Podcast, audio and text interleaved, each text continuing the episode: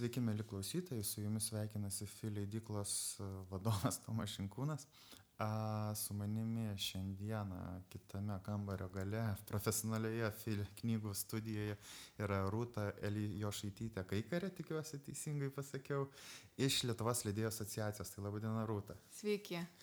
Tai labai malonu, kad jūs šiandien užsukote į mūsų e, e, studiją, kambarį ir taip toliau. E, tai pabandysim gal trump, tiesiog, man tai asmeniškai labai įdomus pokalbis, manau, laukia, aš labai laukiau jo, kadangi jūs turite tą išimtinį strateginį mąstymą, kuris ir, ir sueina pas jūs daug kas, ir išeina daug ko, tai vad kažkaip pabandysim gal tas gijas kažkur ir E, panarplioti vienas kitas, aišku, per tą vat, mažųjų specifinių leidėjų prizmę kažkiek ir santyki. Bet pirmą gal šiek tiek apie Lietuvos leidėjų asociaciją norit pasakyti, ką jūs, jūs vadovaujate asociacijai, bet, e, nu, gal trumpai tokį pristatymą klausytojams, kas nesusipažinę. Tai taip, aš šiuo metu vadovauju leidėjų asociacijai, jau yra ketveri metai, kai tai darau šių metų gegužiai. E, ir atėjau turbūt neturėdama kažkokių labai specifinių žinių apie Lietuvos leidybą, na, tokias daugiau iš bendro gal išsilavinimo, bet e, man iš tikrųjų dabar, ką darau, yra labai įdomu. Tai turbūt yra, na, per visą mano e, darbo laiką turbūt viena įdomiausių pozicijų, kuri yra be galo įvairi susiduriu su tikrai labai įdomiais žmonėmis ir, ir įdomiamis problemomis ir, ir daugybę galimų sprendimo būdų.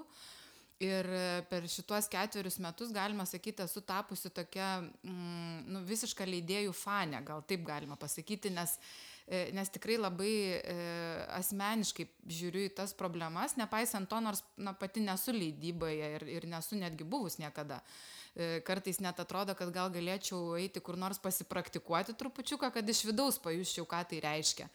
E, nors yra pačiai tekę su kitom organizacijom ir knygas leisti ir žinau, koks tai yra procesas, bet, na, tiesiog tokioj vat, pačioj leidykloje ar e, kaip institucijoje, kaip, kaip organizme neteko dirbti. Bet Bet tikrai e, tas problemas labai puikiai suprantu ir, ir daug jų įvairių girdžiu bendraudama su leidėjais. E, tai šiuo metu leidėjų asociacija vienyje 50 leidyklų. E, kai aš atėjau, jų buvo 30 gal 5 ar, ar, ar iki 35, tai tikrai labai džiaugiuosi tuo, kad na, leidyklos mato prasme jungtis į tą asocijuotą struktūrą. Tai ko gero reiškia, kad na, jie, jie turbūt mato, kad ir jų problemams atstovaujama, ir jų interesams, e, ir kad kartu tam tikrus klausimus yra išspręsti lengviau negu pavieniui. E, ir, ir kas dar man labai svarbu, kad tos leidyklos yra labai įvairios. Tai nėra, kad na, mes vienijame didelės leidyklas arba mes vienijame tik mažas leidyklas Tai tarp mūsų leidiklų yra ir tos, kur, sakykime, na, leidikla, kurią sudaro vienas žmogus ir kuris viską daro leidikloje.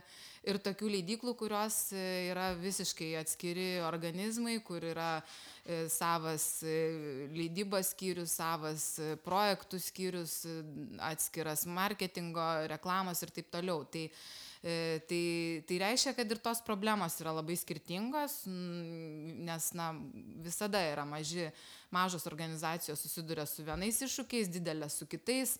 E, ir, ir iš tikrųjų, na, kuo įvairesnis yra tas žanras, tuo įdomiau yra ir dirbti.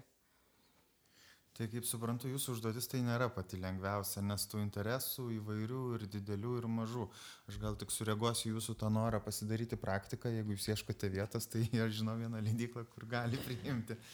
Bet e, vietoj to aš kažkaip galvojau, kaip čia pakreipti tą į, į, į, į, į mažų leidyklų pusę, nes nu, didelis leidyklos atskiras failas, kaip sakėt, aš, mes irgi uh, nu, aš pats kiek dalyvavęs tose susirinkimuose, tai labai įdomu sėdėti ir su tikra knyga, ir su Vilniaus universiteto ten leidikla prie vieno stalo ir ten kažkokias, nu, tikrai yra labai, man tai primena kaip vat, miesto urbanizmo tos susirinkimus, kur susirenka ir žmogus iš nuosavo namo, ir dviratininkas, ir automobilistas, ir visi tarsi toj pačioje erdvėje gyvena, bet jų greitis, inercija, norai yra skirtingi ir tai atrodo iš tikrųjų nu, sudėtinga vienyti, bet aš esu panašiai pusėje, kad man atrodo yra bendrų užduočių, kurias leng, nu, gerai spręsti, kad stipri organizacija gerai, bet yra ir vat, iš mažos jau tada tokios leidyklos, kad man atrodo tam tikros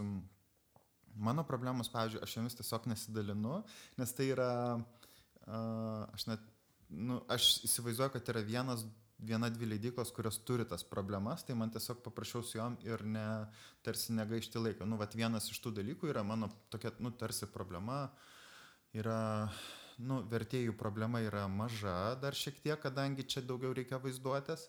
E, spec redaktorių problema yra didesnė, o įdomiausia yra, pavyzdžiui, maketuotojų problema, nu, kuri tarsi irgi nėra problema, bet kaip pavyzdys, vad ką pasakau, kad e, viena yra sudėlioti, sumaketuoti fotoalbumą, o kita yra sudėlioti akademinę knygą su, tarkim, ten puslapyje šalia teksto dar slankiojančiamis penkiomis, šešiomis detalėmis, to, kurios turi kabintis palei eilutę, turi keistis puslapiai, turi sužiūrėti, kuris ten paragrafas atitinka, jeigu dvikalbis vertimas reikia sulyginti lotynišką, graikišką su lietuvišku. Tai vad mažos problemos turi tokį labai specifinį profilį, man atrodo, kiekviena, kur ne, jūs tą jaučiat, vad pavyzdžiui, kad yra, nu tokia, nes dar iš kitos pusės galbūt paklausti, pastaruoju metu per paskutinės keturias gal metus atsirado nemažai tų mažų tokių leidyklų toks tarsi impulsas buvo. Aš tai, e, vat, galėsit pasakyti, ar sutinkat ar ne, kažkaip tai nurašiau ant, iš vienos pusės ant didelių leidiklų korporacijos negebėjimų, nu, vadybinių negebėjimų integruoti išskirtinius žmonės ir leisti jam uh, pasireikšti. Kita vertus, aišku, ant tų žmonių pačių ambicijų ir noro. Tai nebūtinai, kad vienas ar kitas blogai darė, bet pavyzdžiui, Odilė įėjo su trenksmu Benas iš, iš Rara leidyklos, kuris nu, kurie pasiemė ištisus segmentus, išleido per 20-30, nu gerai, Benas gal mažiau, bet Odilė knygų, nu tai tokia kaip jėga atėjo ir va tas uh, Kaip jums atrodo iš šono, va tie visi maži, skirtingi, įdomus atsiranda, išeina, kas čia vyksta?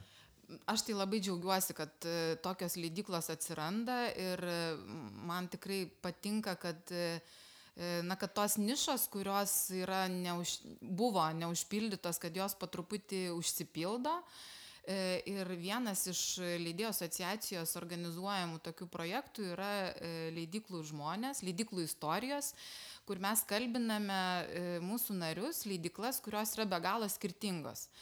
Ir e, aš pati tikrai labai nuoširdžiai tuos e, trumpus tekstelius perskaitau ir man yra įdomu, kad aš visą laiką atrandu kažką naujo ir sužinau va, būtent tuos pirminius impulsus, kodėl tos leidyklos atsiranda. Ir, ir aš suprantu, kad, na, pirmiausia, vis dėlto priežastis, kodėl tos leidyklos mažos, tokios specifinės, nišinės, uh, E, ateina į rinką, tai vis dėlto yra m, mm, ta didžiulė meilė literatūrai.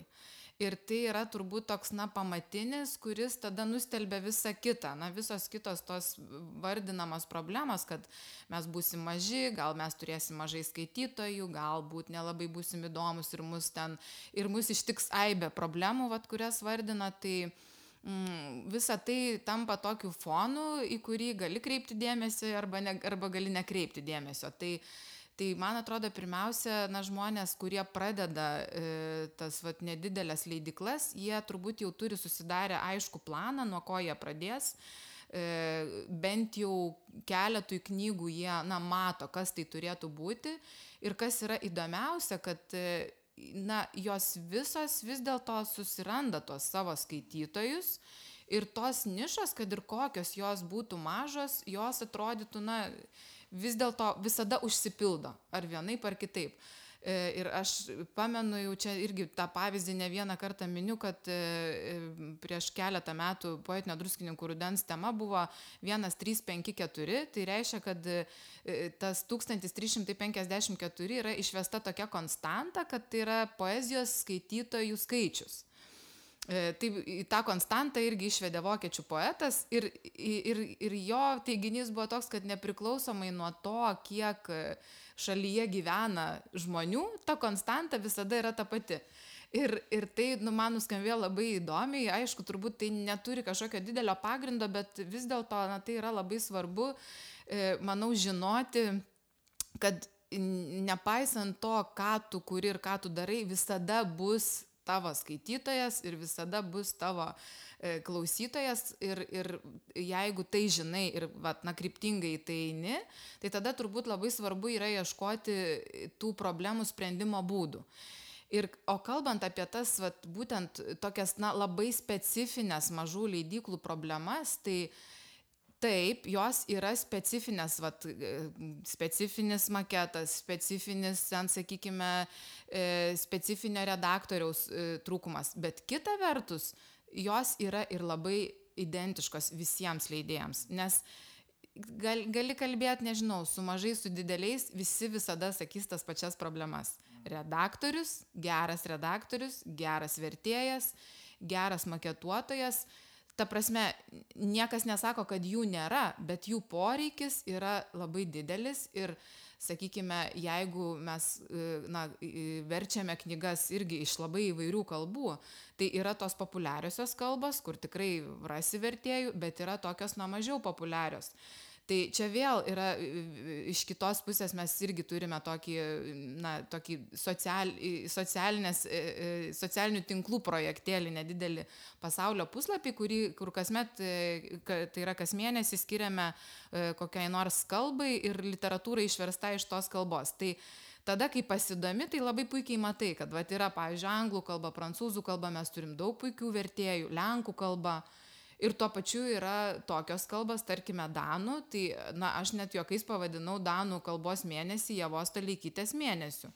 Nes, na, mes turime ją, turime, turime dar e, tokių, na, kylančių, pradedančių vertėjų, bet, bet tai nėra taip, kad mes saky, pradėtume vardinti, kad va, čia yra aibė vienas po kito. Tai, Tai manau, kad tos problemos, jos, jos, jos yra specifinės, bet vat, jos ir yra specifinės kiekvienai leidyklai. O visumoji tos problemos, jos yra bendros.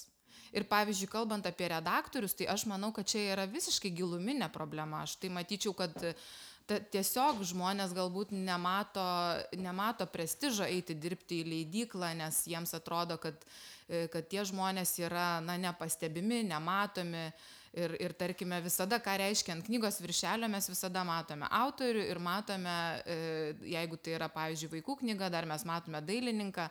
Na dabar čia pastaruoju metu tokia jau praktika atsiranda parašyti vertėją knygos, jeigu tai yra verstinė knyga. O visi kiti žmonės, jie tarsi kažkur, na, išnyksta toje knygoje.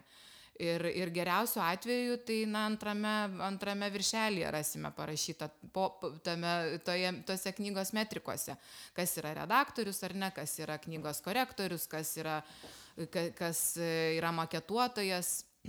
Ir dar kas man yra visada labai svarbu, kad pats leidėjas kaip žmogus jisai išnyksta. Leidėjas jisai, na mes žinome leidiklų pavadinimus, bet mes labai retai žinosime, kas po tuo slypi. Ir už tai tos mažos leidyklos man yra tokios, na, atrodo labai svarbios dar būtent ta prasme, kad, va, pavyzdžiui, va, irgi jau paminėjom rarą, tai va, visi rarą žino, kad kas už raros slepiasi, tai ten yra Benas. E, visi žino, kad už žodilės slepiasi Nijolė. tai, o kai yra didelė leidikla, jinai tarsi, na, visi tie žmonės kažkur dinksta. Ir, va, pavyzdžiui, man atrodo, tai man tai yra, aš sakau, aš esu tokia visiška leidiklų fane ir man yra labai svarbu, kad tie žmonės būtų pastebėti ir įvertinti šalia autoriaus knygos, šalia vertėjo, nes vis dėlto man atrodo, kad šiuo laikinis leidėjas, čia va yra Lolitos Varanavičianės žodžiai, man jie labai patinka, kad šiuo laikinis leidėjas jis yra kūrėjas, nes jisai sukuria knygą kaip daiktą, kaip, kaip visumą, nes na, niekas kitas už tai neatsakingas. E, taip, e, jo, čia tiek daug susakėt, į viską norisi reaguoti kaip visą laiką, bet, e, bet man aš gal prie tos konstantos grįžčiau. 1, 3, 4, 5. 1, 3, 5, 4. 1, 3, 5, 4. Taip. Ai, tai... Mm -hmm. 5, 4, 1. Tai e, filosofija, aš galvoju apie filosofinę konstantą, kiek yra filosofinių skaitytojų kiekvienoje šalyje, tai iš 5 reikia padalinti, apie 300 toks spartietiškas variantas, labai bandai atsilaikyti.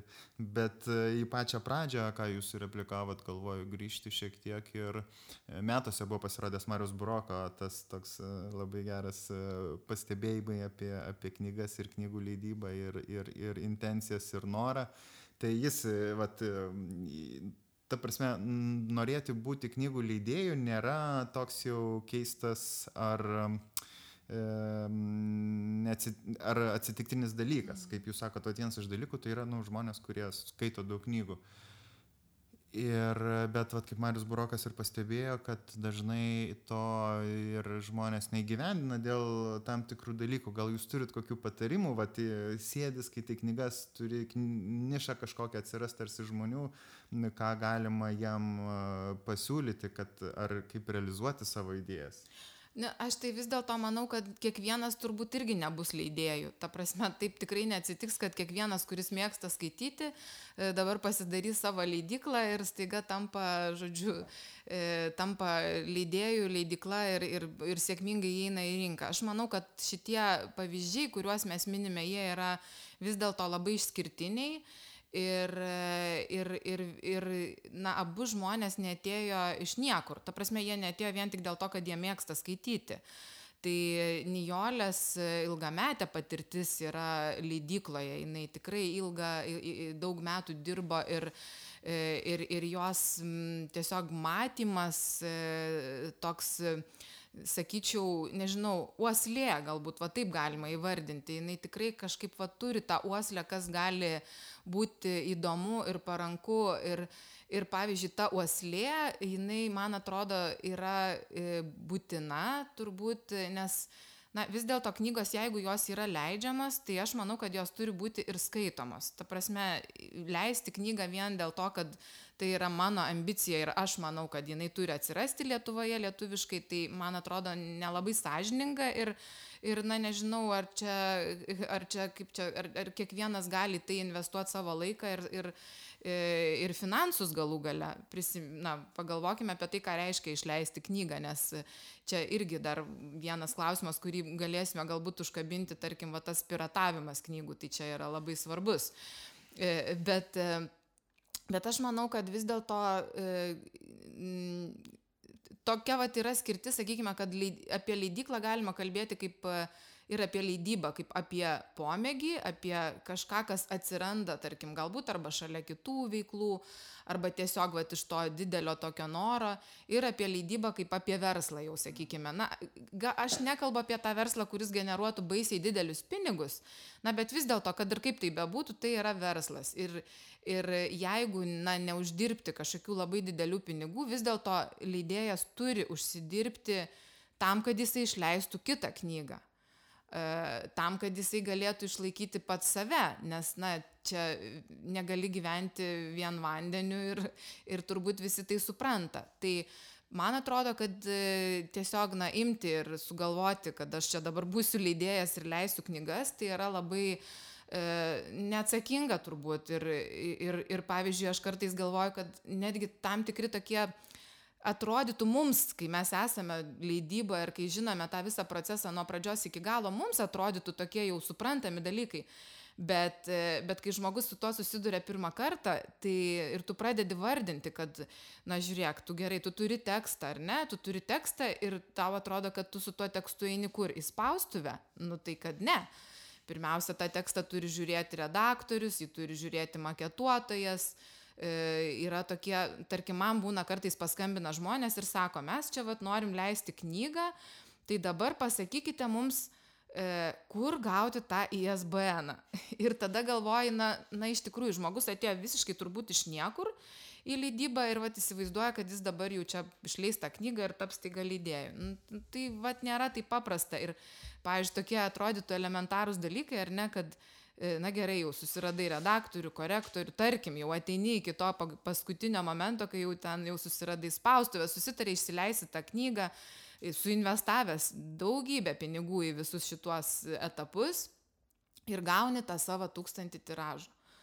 knygų, ką tu su juom darai, kur tu jas sandėliuosi tas knygas namuose, kambarį, nu galima ir taip, žinoma, ta prasme, bet jau tu turi turėti tam vietos, ką tu su juom paskui veiksi, kur tu jas parduosi, kur tu jas realizuosi, turi savo elektroninį knygyną ar ten kažkokį elektroninę galbūt parduotuvę su kitais reikalais, tvarka turi, bet to neužtenka.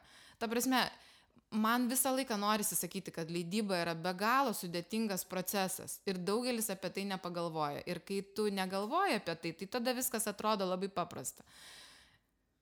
Aš labai su jumis sutinku, aš e, šiek tiek paprašiau savo tai aiškinu, pavyzdžiui, jeigu kartais gamini namie kokį patiekalą ir pasiseka ir ateina žmonės ir sako, tu turėtum atidaryti savo restoraną. Ir aš sakau, ne, aš neturėčiau atidaryti savo restoraną, nes jūs, neįsiv... jūs tiesiog, nu, bandote pagirti, bet iš tikrųjų tai yra va, taip pat, kaip jeigu tu kažką gražiai parašai, turėtum parašyti knygą, tai dar vieną, bet ją išleisti yra aibė, kaip jūs, va, ta visa panorama ir pokštė problemų yra nežmoniška ir tai yra labai daug juodo darbo, fizinio, intelektualinio, kartais ir tokio, kabutėse, paralegalaus.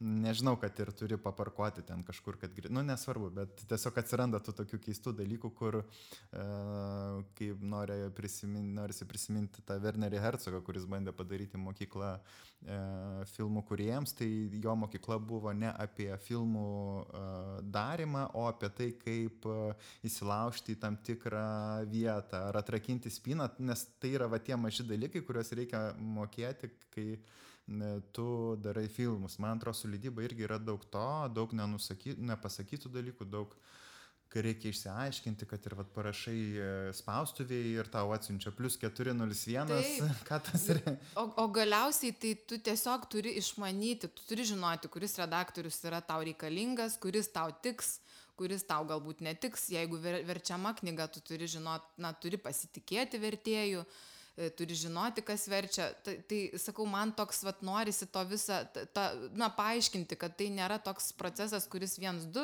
sprakteli pirštais ir atsitinka. Galų gale tos, vat, apie tas mm. mažas leidiklas, sakykime, kalbant, tai aš irgi labai dažnai girdžiu apie tai, kad e, patys leidėjai tada tampa ir vairuotojų, ir krovikų, ir sandėlininkų, ir, ir tai iš tikrųjų toks, na, kiek vienas žmogus gali savyje turėti įvairiausių savybių, kurių reikia leidiklai. Daug, aš iš patirties galiu pasakyti, kad daug gali labai turėti. Praeitą savaitę iliustratorių iš, nu, išmokau kabutėse turiu menį, bet Bet jo, ma mažo leidėjo tas, kaip čia, skill setas, kaip lietuviškai, įgūdžių. Įgūdžių rinkinys. Įgūdžių rinkinys. Nu jo, bet labai iš karto kitas įsijungia. Mm. Gan platus, aišku, įdomu, jo, bet visiškai su jumis sutinku. Rūta, e, pabandykim judėti prie strateginių problemų, nes matau, kad čia jau reikės antrą kartą jūs kviestis, tiesiog ne, ne, nesugebam iš pradėti, bet gal viena iš tokių, nu ir šiandien skambančių temų yra gal nepaisant kai kurių ten e, viešųjų intelektualų pasisakymų apie tarybą, rezultatus ar ten apie autorių ir, ir, ir, ir, ir, ir, ir vertėjų rašytojų atlyginimus, bet e, kultūros taryba šį atrodo vat, pasikeitė dabar, atėjo jau viską nuo administracijos direktorius iki pirmininkės, tarsi nauja banga. Ir e, kas nežino, tai dabar naudodamiesi, darydami imdami patirtį iš kitų tarybų Europoje, jie nusprendė sujungti kultūros rėmimą literatūrai po, vienu, e, po viena antraštė. Tai yra literatūra, tai reiškia vaikų leidyba, humanitarinė, kas ten buvo, absoliuti dauguma eina į literatūrą. Į literatūrą ir leidybą. Ir leidybą. Tai vat, kaip jūs vertinat vat, šitą mm. ir bendrą pokytį tarybą, koks jūsų uh, Kokia jūsų nuomonė, koks čia kontekstas, kas yra svarbu ir kaip jums atrodo? E, na, pirmiausia, e, ta literatūra ir leidyba, e, kai esi na, viduje viso šito proceso, tai puikiai žinai, koks tai yra įvairus, koks tai yra didžiulis spektras įvairių dalykų. Ir sakykime, kai mes kalbame apie literatūrą ir leidybą, tai reiškia, kad e, po vienu stogu sutelpa tiek leidybiniai projektai, tiek e, rinkodariniai, sakykime taip. Turiu galvoje čia gal renginius, įvairius knygų pristatymus, e, taip, visi festivaliai, tarptautiniai, lokalūs festivaliai, jaunųjų rašytojų įvairūs renginiai, e, vertėjų, na, ta prasme, mes, būdami savo sektoriuje, mes tą įvairovę suprantame ir mums jinai atrodo, na, tikrai labai tokia specifinė ir ypač kai kalbame ir apie pačią literatūrą, sakykime, suaugusiems ir apie literatūrą vaikams, kuri yra absoliučiai na, kitas daiktas, kuri yra labai, e, sav, tokia, na, sakyčiau, netgi tarp disciplininis menas. Realiai tai yra dailė ir, ir tekstas, tai yra dvi, dvi sritis. Ir kas su literatūros ir leidybos dar sritimi, mano supratimu, yra sudėtinga, kad į šitą sritį gali aplikuoti absoliučiai visos kitos sritys nes knygas gali leisti visi. Mes galime leisti knygas grožinės, bet šalia to nepamirškime, kad knyga, gali būti knyga apie šokį, apie meną, apie muziką, apie teatrą, apie ką tik nori. Ir visos šitos knygos jos eis į leidybos sritį. Tokiu būdu e, literatūra, jinai e, na, konkuruoja ne tik pati su savimi, bet konkuruoja ir su kitomis rytimis. Ir lygiai taip pat konkuruoja su literatūros vadyba. Tai e, aš šitoj vietoj turiu e, kitokią nuomonę. Aš manyčiau, kad e, na, ir mes kaip asociacija visada norėjome, kad būtų daugiau sričių, kad tiesiog, kad konkurentai būtų kiek įmanoma tolygus kad konkuruotų renginys su renginiu, e, leidyba su leidyba, vaikų leidyba su vaikų leidyba, ta prasme, nes, na, iš tikrųjų tai yra labai, sakau, specifiniai ir skirtingi dalykai. Kita vertus, e, aš suprantu ir dar vieną problemą, kurią, na, kurią identifikuoju iš tų vat, viešų pasisakymų E, ir čia nesu tikra, kad esu teisi, nes, na, nes, ne, nevertinu šiaip pati šitų paraiškų, tai aš negaliu to pasakyti, kaip yra iš tiesų, bet turiu tokį įtarimą, kad kalba eina apie patį paraiškų rengimą. E, nes kadangi pačiai tenka renkti paraiškas kultūros tarybai su leidėjo asociacija e, ir, ir aš žinau, kas tai yra ir, ir, ir tikrai labai daug investuoju į tai turiu minty patį paraiškų rengimą. Ir aš žinau, kad na, yra vertinami labai įvairūs dalykai, tai yra įvairūs ir priedai, ir, ir aprašymai, ir e, turbūt e, na, kažkoks novatoriškumas, nesikartojimas, galiausiai patirtis. E, tai manau, kad na, visa tai yra perkeliama ir, ir, ir į pačią tą leidybos sritį. Ir, ir aš vis dėlto, na, aš visada, na, bandydama kritikuoti kitus, pirmiausia, visada ieškau savo problemų. Ta prasme, kad, na, bandau atrasti, ką aš blogai padariau. Jeigu kažkas atsitinka taip, kad, na, manęs kažkas neįvertino, tuomet aš pirmiausia klausiu, tai ką aš padariau ne taip arba ko nepadariau iki galo. Ir, e, ir aš tiesiog kartais galvoju, kad galbūt, na, ne visi žmonės apie tai pamasto, kad vis dėlto E, na, ta problema jinai negali būti vienpusė. Visada yra taip, kad na, turėtum turbūt atsakyti savo į tą klausimą ir kitą kartą rašydamas paraišką greičiausiai pasižiūrėti, ką tu padarai ne taip. Ir, ir čia šitoj vietoj, sakau, man yra labai sunku vertinti, nes aš niekada nebūsiu teisi, lygiai taip pat kaip niekas mes nebūsime teisūs, nes visada bus tiek projektų, kad vieni gaus finansavimą, kiti negaus finansavimo ir, ir mes tikrai negalime sakyti, kad tie, kurie negavo, visi yra blogi arba tie, kurie gavo, visi yra puikesni. Tai, tai taip nebus, tai tiesiog man atrodo, kad dar viena problema, į kurią mes visi atsiduria, na, atsiriamėme ir turbūt pati kultūros taryba su manimi sutiktų šitoj vietoj, tai yra tiesiog finansavimas. Jis yra toks, koks yra, kokį gauna tiek pinigų skirsto. Uh, reikia suprasti, kad, kuri, kad kultūra yra be galo plati sfera, kad į, į, kad į tą finansavimą pretenduoja organizacijos nuo iki, nuo nevyriausybinių iki biudžetinių institucijų. Ir, ir tiesiog, na, iš tikrųjų tas poreikis, jis yra toks didžiulis, kad tas gaunamas finansavimas to poreikio negali uh, patenkinti. Tai, tai šitoj vietoj aš esu žmogus, kuris visada, na, ta prasme, aš esu labai taupi, bet tuo pačiu aš visada sakau, kad reikia galvoti ne, na, ne kaip sutaupyti, bet kaip daugiau uždirbti. Tai šitoj vietoj turbūt irgi mm, aš galvoju, kad e, galvoti, kaip kultūra galėtų mm, na ir pati generuoti turbūt didesnį e, uždirb, uždarbį ir, ir galų gale e, finansiškai stabiliai jaustis savo valstybėje, tai va čia yra didžiausias uždavinys aš bent jau galvoju šitaip ir man atrodo, kad, na, e, kad tai ir yra vat, sudėtingiausias uždavinys tapti tuo prioritetu ir, ir tuo pačiu turbūt čia yra ir pačių kultūros žmonių toks tikslas, būtent kalbėti apie tai ir, ir įrodinėti, nu, kasdieniu savo darbu, kad tai, ką mes darome, yra be galo svarbu ir kad tai yra prioritetas, kad kultūra augina valstybę, kad kultūra augina žmonės. Aš e, su labai daug ko sutinku ir labai daug ko norisi replikuoti. Gal pirmą tai tiesiog e, sutiksiu su jūsų labai gražia mintimi, kad e, jeigu neturi pinigų, tai reikia negalvoti, kaip juos sutaupyti, o reikia galvoti, kaip uždirbti daugiau pinigų, kas yra šiaip tai įdomus požiūris į gyvenimą. Aš kažkurio momentu jo pasinaudoju ir man šiek tiek palengvėjo, bent jau tam, tam pusmečiai. Bet e, kalbant ir grįžtant apie tai, ką Jūs pasakėt, aš manyčiau, kad dar labai didžiulė, didžiulis klausimas yra su e, ryšiu tarp ekspertų ir kultūros tarybos.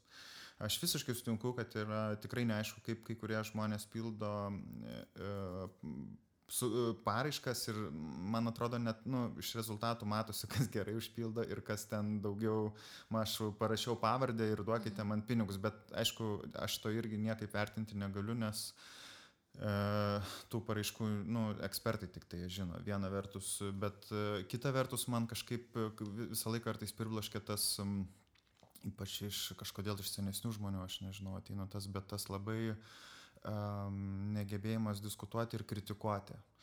Nedavė pinigų, mhm. visus lauk, čia Taip. kažko, nu, toks įsijungia vos ne cinizmas, nihilizmas labai, ar, nu, ir tai yra kultūros žmonės, kurie, nu, labai nežinau, labai, labai greitai sudegina tiltus, kurių, nu, ir susiranda priešų, kur nėra priešai. Aš, aš šiek tiek replikuosiu, mm. nes man va, šitas dalykas man yra be galo svarbus, e, nes man atrodo, kad e, visiškai sutinku su tuo būtent tiltų deginimu, nes Na, pirmiausia, manau, kad kalbėtis visada galima ir net jeigu turi labai skirtingas pozicijas ir skirtingas nuomonės, Ir man regis, kad visada būsi išgirstas, e, jeigu, na, kalbėsi ramiu kažkokiu tonu ir, ir, ir galėdamas argumentuotai paaiškinti, net jeigu, na, tu visiškai skirtingus dalykus kalbi. Argumentais tai aš vadinu tokius, na, daugiau mažiau objektyvius dalykus, e, o ne nuomonę. Tai man atrodo, kad va, tas tiltų deginimas, jis yra be galo... E, na, jis yra labai nenaudingas pačiai e, mūsų vat, visai sričiai. Ir aš kalbu ne tik apie literatūrą, bet apie visą kultūrą, kur e, tiesiog, na, jeigu tau kyla klausimų, tu geriau paklausk ir, ir dar geriau būtų, jeigu tu paklaustum tiesiogiai, o ne Facebook'e. Nes visas šitas išėjimas iš karto į viešumą, jisai, man atrodo, sukelia labai daug tokio bereikalingo erzelio ir, ir tokio, na tiesiog tada tikrai atrodo, kad žmonės nelabai turi ką veikti, o tiesiog va terzeliuotis ir, ir, ir, ir aiškinti santykius toj viešoje erdvėje. Nes man atrodo, kad yra dalykų, kuriuos turbūt išspręstų vienas telefono skambutis kartais. Tai aš esu už tą tokią kultūringą diplomatiją ir man atrodo, na, mano patirtį tai veikia. Galbūt ne tik tas, bet čia gal ir socialinių medijų vat, problema, kai jeigu būtų kažkoks mediatorius, kuris e, tarsi sugertų tą įtampą, bandytų iš, išlaviruoti iš tų pačių žmonių, ateitų visai kitokia žinutė, daug įdomesnis, e, netgi produktyvesnis pokalbis būtų. Uh, Bet grįžtant prie tų vat, poreikio, ką jūs pasakėte, aš apie tai negalvojau, nes e, nebuvau pagalvojęs, bet aš kažkaip e, apie tai galvoju, turiu susidėliojęs minti tokias dušutės, tą švietimo, nu, kadangi visi buvom švietimo sistemai, tai visi esame ekspertai, ypač jeigu aukštajam, tai jau E, bet e, kažkaip man su tais darželiais ir mokyklom atrodė, kad buvo bandymas kažkaip keisti, reformuoti, tas nepavyko ir buvo šalia to visą laiką poreikis. Tai tą poreikį vietoj dėl to, kad mes nesutarėm, tarkim, aš nežinau, kaip kokie, nu čia visi naudoja Suomių pavyzdį, kad bendras lygis yra aukštas. Tai, tai, tai, tai vat, Lietuvoje tą poreikį, kurio reikėjo, atliepia privatus sektorius. Ir dabar yra tam tikra neligybė, geriausi mokytojai, na ten nėra to bendro aukšto lygio, yra e, atskirtis didėjanti, e, kas man atrodo nėra gerai savaime. Ir vat iš kitos pusės žiūrint, e, aš panašiai dabar apie jūs pasakėte apie poreikį, apie literatūrą, galvoju, kad yra daug žmonių su labai įdomiais projektais, yra didžiulis poreikis, ten visą laiką matuoja kultūros taryba, mhm. aš kažkiek seku ten irgi įdomu, ir vat netlepia tų, tų dalykų, kad, kad yra, yra noras išleisti geras knygas, padaryti gerus renginius, bet kažkaip vat, e, nepakanka pinigų ar ne? Viena vertus. Kita vertus galbūt tik tik atvirai galvoju gal tai ir geras dalykas tas apynas ir jis toksai tada jis sukuria filtrą ir mhm. ne viskas praeina tad nu, juk negali būt kiekvienas projektas. Tai gal ir aš kaip ir mano santykis irgi su kultūros taryba aš turiu labai daug priekaištų ir labai didžiulę padėką ir pagarbą nes man atrodo blogiausias dalykas yra užkonservuoti tą kaitą vienas dalykas nes tada tu tampi institucija kuri gerai veikė prieš dešim metų o mm, antra vertus tas judėjimas į priekį sudėtingas bet galbūt čia apskritai tai reikėtų vat galvoti kaip jūs siūlot apie kultūrą kaip prioritetą ar ne? Kad e, kažkaip bandyti e, iš tos pusės prieiti prie problemos ir prie finansavimo. Tai ką aš dar matau ir, ir kas turbūt galėtų kažkiek spręsti tas susidariusias tokias ir, ir poreikio, ir finansavimo problemas, tai uh, na, aš kai irgi pradėjau dirbti asociacijoje, tai man viskas buvo tokia galvoje, na, maišalinė tokia, nes, sakau, labai daug, labai skirtingos leidyklos, labai daug įvairių problemų, labai įvairių spektras ir, ir kai pradedi visą tai galvoje dėlioti, nu, tau nesusideda tas vaizdas. Ir aš supratau, kad man labai reikia, nes man yra įdomu, bet tuo pačiu aš, na, tarsi darau ir vieną, ir antrą, ir trečią, ir suprantu, kad tai kažkur gal ir susieina, bet gal ir nesusieina. Ir aš supratau, kad man tiesiog reikia e, turėti strategiją. Ir, na, kai mes pradėjome dirbti su strategija, mes sudarėme tokią nedidelę darbo grupę savo asociacijoje ir kaip tai buvo įdomu mes turėjom dešim ar dvylika tų strateginių tokių susitikimų sesijų. Ir tiesiog aš stebėjau kaip keičiasi tas pradinis matymas nuo ko mes pradėjome ir link ko mes paskui ėjome kaip tam tikri dalykai išsibraukė kaip tam tikri dalykai atėjo.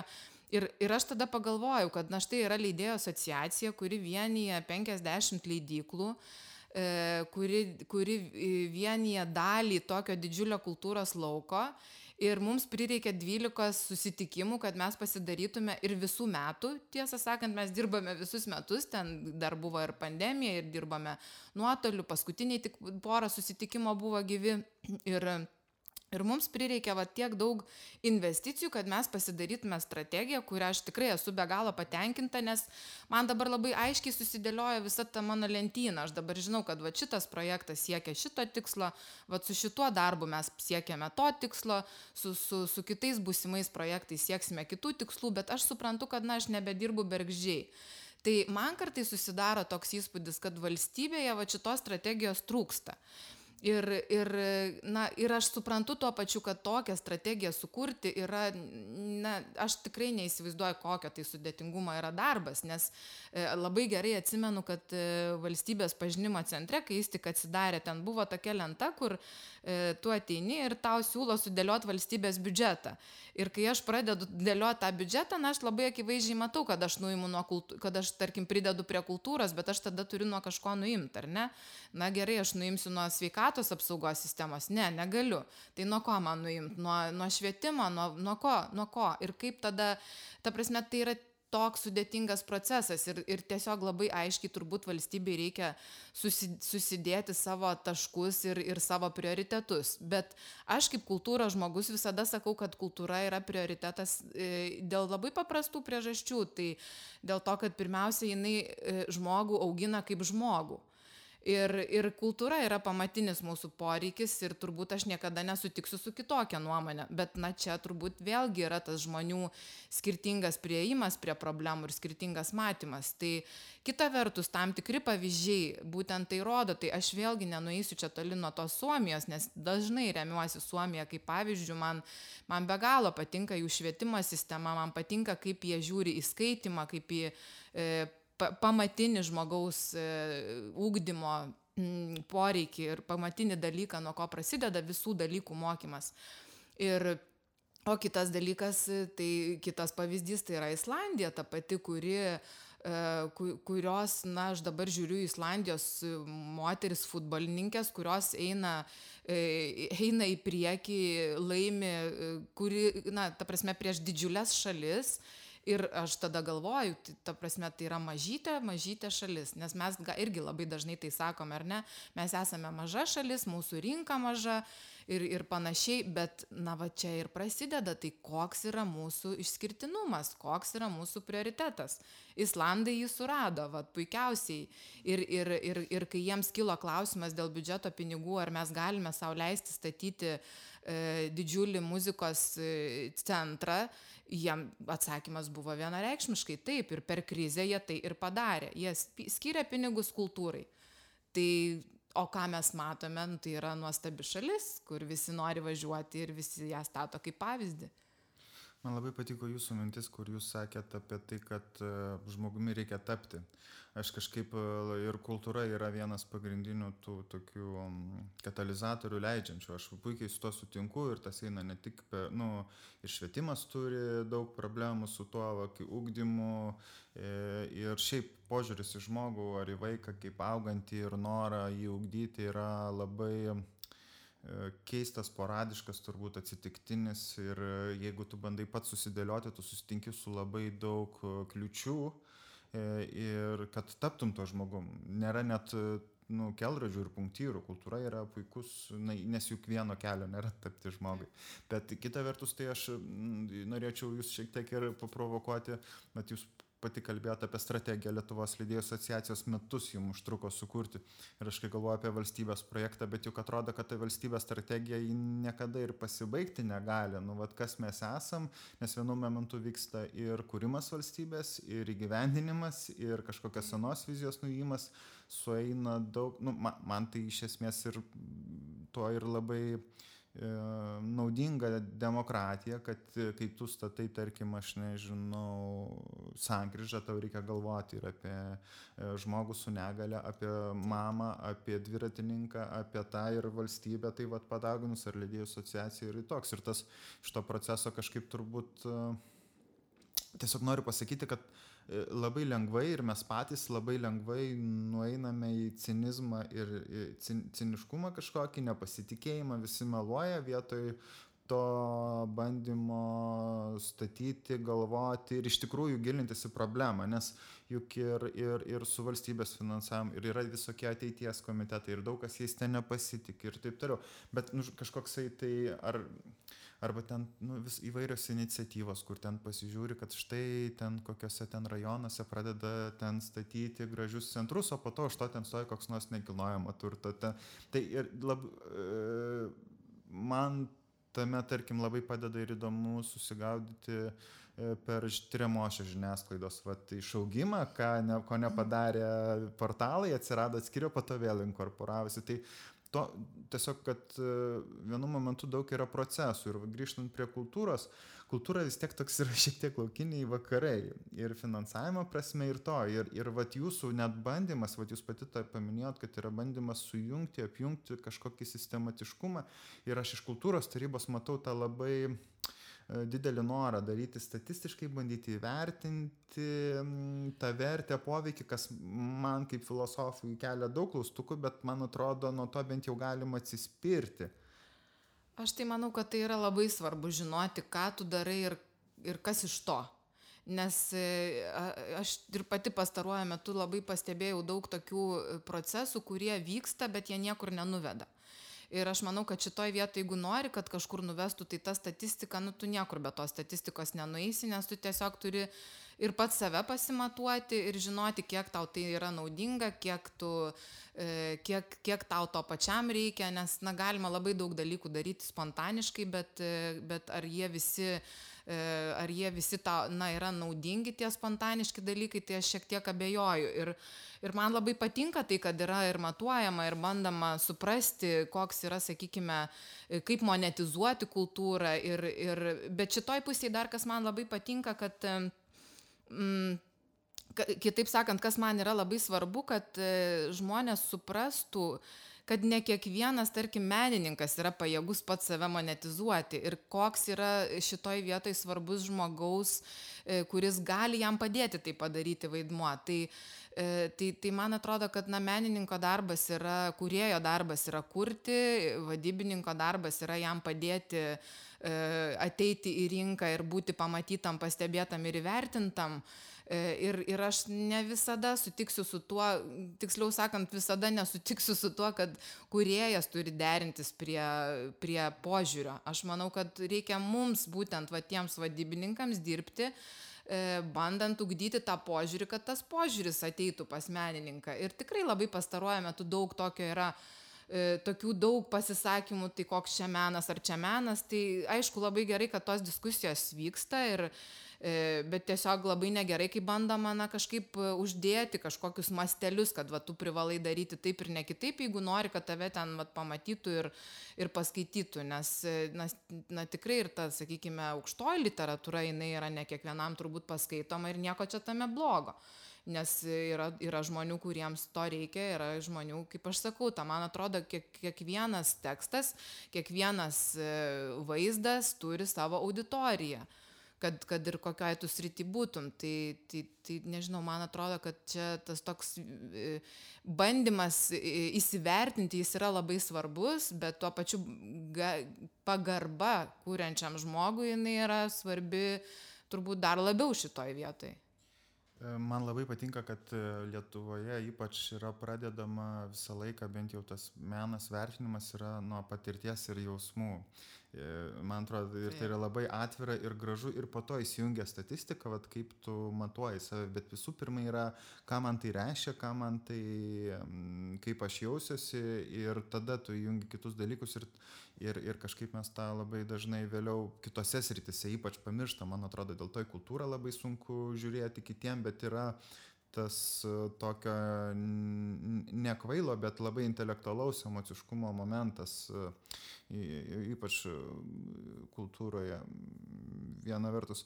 O jau einant link pabaigos dar norėjau jūsų paklausti, kaip jūs įsivaizduojat kultūra, literatūra, turbūt reikėtų sakyti, po dešimt metų Lietuvoje. Žinau, kad tai yra labai kvaila, bet jau mes taip toli nuėjom ir aš iš tikrųjų norėjau pakalbėti apie mažų leidėjų problemas, bet gausi apie strategiją. Nu tai kitą kartą, bet jau tada rišanti į tą pusę e, po dešimt metų leidybą Lietuvoje, nes, nu, pavyzdžiui, man yra, vat, jūs kalbėjote dar šiek tiek apie, apie tą pirkėją ir taip toliau, pavyzdžiui, mano leidyklos knygos jos yra ilgamžės. Tai va ir mano pozicija yra visai mm. kitokia. Aš, ne, aš nežaidžiu ant, aš negyvenu iš naujienų, aš gyvenu iš katalogo, jeigu taip, taip paprastai sakant. Ir mano knygos visą laiką neparsiduoda, bet jos pastoviai neparsiduoda ir tame yra mm. pastovuma. Tai ir vertė yra šiek tiek kita ir, po, ir poveikis gal silpnesnis, bet ilgamžiškesnis. Bet Ir, ir dar pradžioj jūs kalbėjote irgi apie mažųjų leidėjų, apie tų nišų atsiradimą,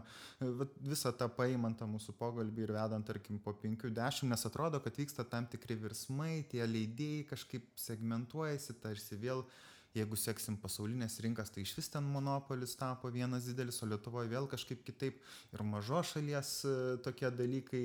Tai va iš tos strategijos turit kokių sakinių po 50 metų, ką galima galvoti, ar e, Da, čia tiesiog work in progress. Visiškai negaliu prognozuoti, e, kas galėtų būti po dešimties metų, nes tikrai per, jau vien per šitą laikotarpį, kiek esu, matau tokius uh, vertimusis kūlviršiais, tiesiog iš tikrųjų pandemija labai daug ką pakeitė leidybos rinkoje, be galo daug. Ir E, ką aš tikrai turbūt, nežinau, ne tai, kad galiu pasakyti, bet turbūt tikiu, kad tikrai tai bus, kad popierinė knyga neišnyks, nes apie tai kalbama irgi metai iš metų, jau aš radau kažkokį tokį seną tekstą prieš, nežinau, gal 12 metų e, savo pačios rašytą ir ten irgi buvo būtent apie tą popierinę knygą ir aš ten sakiau, kad neišnyks popierinė knyga ir va pasirodo, buvau teisi, tai manau, kad ir dabar esu teisi. E, faktas, manau, kad atsiras, e, kad tas segmentavimas jis, jisai niekur ir nedings, e, dėl to, kad patys ir žmonės yra labai skirtingi. Kitas dalykas, dėl ko sunku yra prognozuoti, tai kai aš pasižiūriu į vaikus dabartinius ir aš matau, kaip jie keičiasi ir kokios yra man toks įspūdis susidaro, kad karta pati yra sutrumpėjusi, nes jeigu anksčiau, sakykime, dar per 20 metų tu daugiau mažiau dar jauti tą žmogų ir dar, na, gali kažkaip su juo rasti kažkokių bendrų tik, sąsajų, tai man atrodo, kad dabar, dabartiniai, sakykime, 20 mečiai ir 10 mečiai, nu jau toks jausmas kartais, kad jie yra šviesmečiais nutolę vienas nuo kito. Ir, ir visas tas, visa tai, ką mes gauname ir kaip, kaip tas pasaulis keičiasi technologinė prasme, E, man atrodo, tikrai daro pasaulį sunkiai prognozuojamu. Ir, ir tikrai kaip čia kartais tų visokių memų tenka prisižiūrėti apie tai, kad niekas man nesakė, kad šitas amžius praeis per du metus pastaruosius, nes na, mes turim visą plokštę pandemija, karas, e, kas tik nori. Ir, ir, ir man atrodo, kad tikrai šitoj situacijai prognozuoti, kokios bus, kiek bus leidyklų, ar ten kokios bus, žodžiu, nišos, ar, ar kaip bus įsisegmentavę, yra be galo sunku, bet, bet aš manau, kad lieku vis dėlto prie tos nuomonės, kad knyga, literatūra yra toks amžinas dalykas.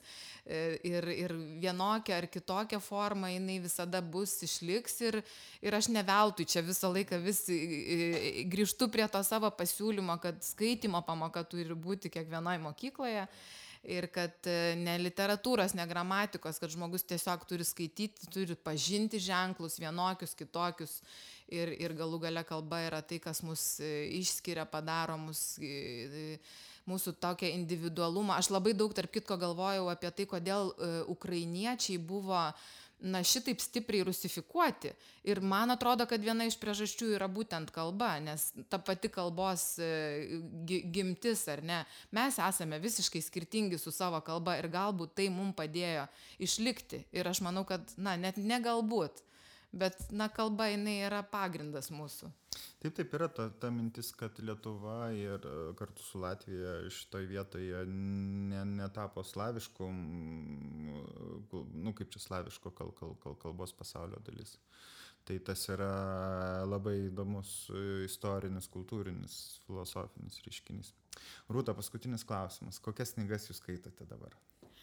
E, skaitau labai įvairias knygas. Viena paskutiniųjų knygų yra mm, Ramūnės Brunzaitės naujausia poezijos knyga. E, poezijos skaičiau tikrai pastaruoju metu labai daug, įvairios, e, lietuvių, ukrainiečių žinoma. Gaila, kad tiesiog ukrainietiškai neskaitau, tai skaitau tik tai vertimus.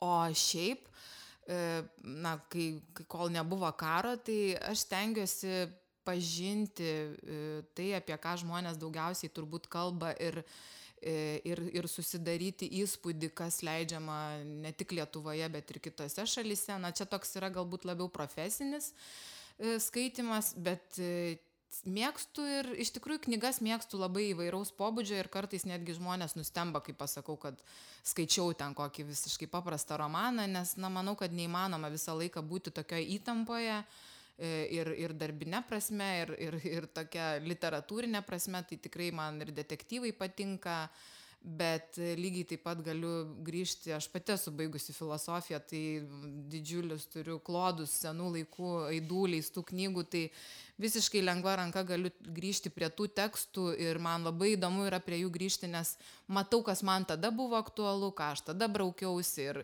ir dabar galbūt visiškai ką kitą pasibraukčiau. Tai, Mm, žinoma, to, tokiu atveju galbūt neskaitau visų knygų, taip jau pilnai perskaitau tai, kas tuo metu man atrodo aktualu. E, ir kitas dalykas dar ką, va, irgi žmonės dažnai stebisi ir, ir aš to nebijau pasakyti, kad aš nebijau neskaityti knygos iki galo, jeigu ji man atrodo niekinė ir aš tikrai nesikankinu prie literatūros, jeigu na, manęs neveža tekstas arba, arba turinys arba dar kažkas, tai lengva ranka padedu į šoną, padovanoju, atiduodu ir, ir, ir šiaip sakau, esu tokia įvairia skaitė, skaitau viską, tik šiuo metu esu tokioj truputėlį stabdžio situacijai.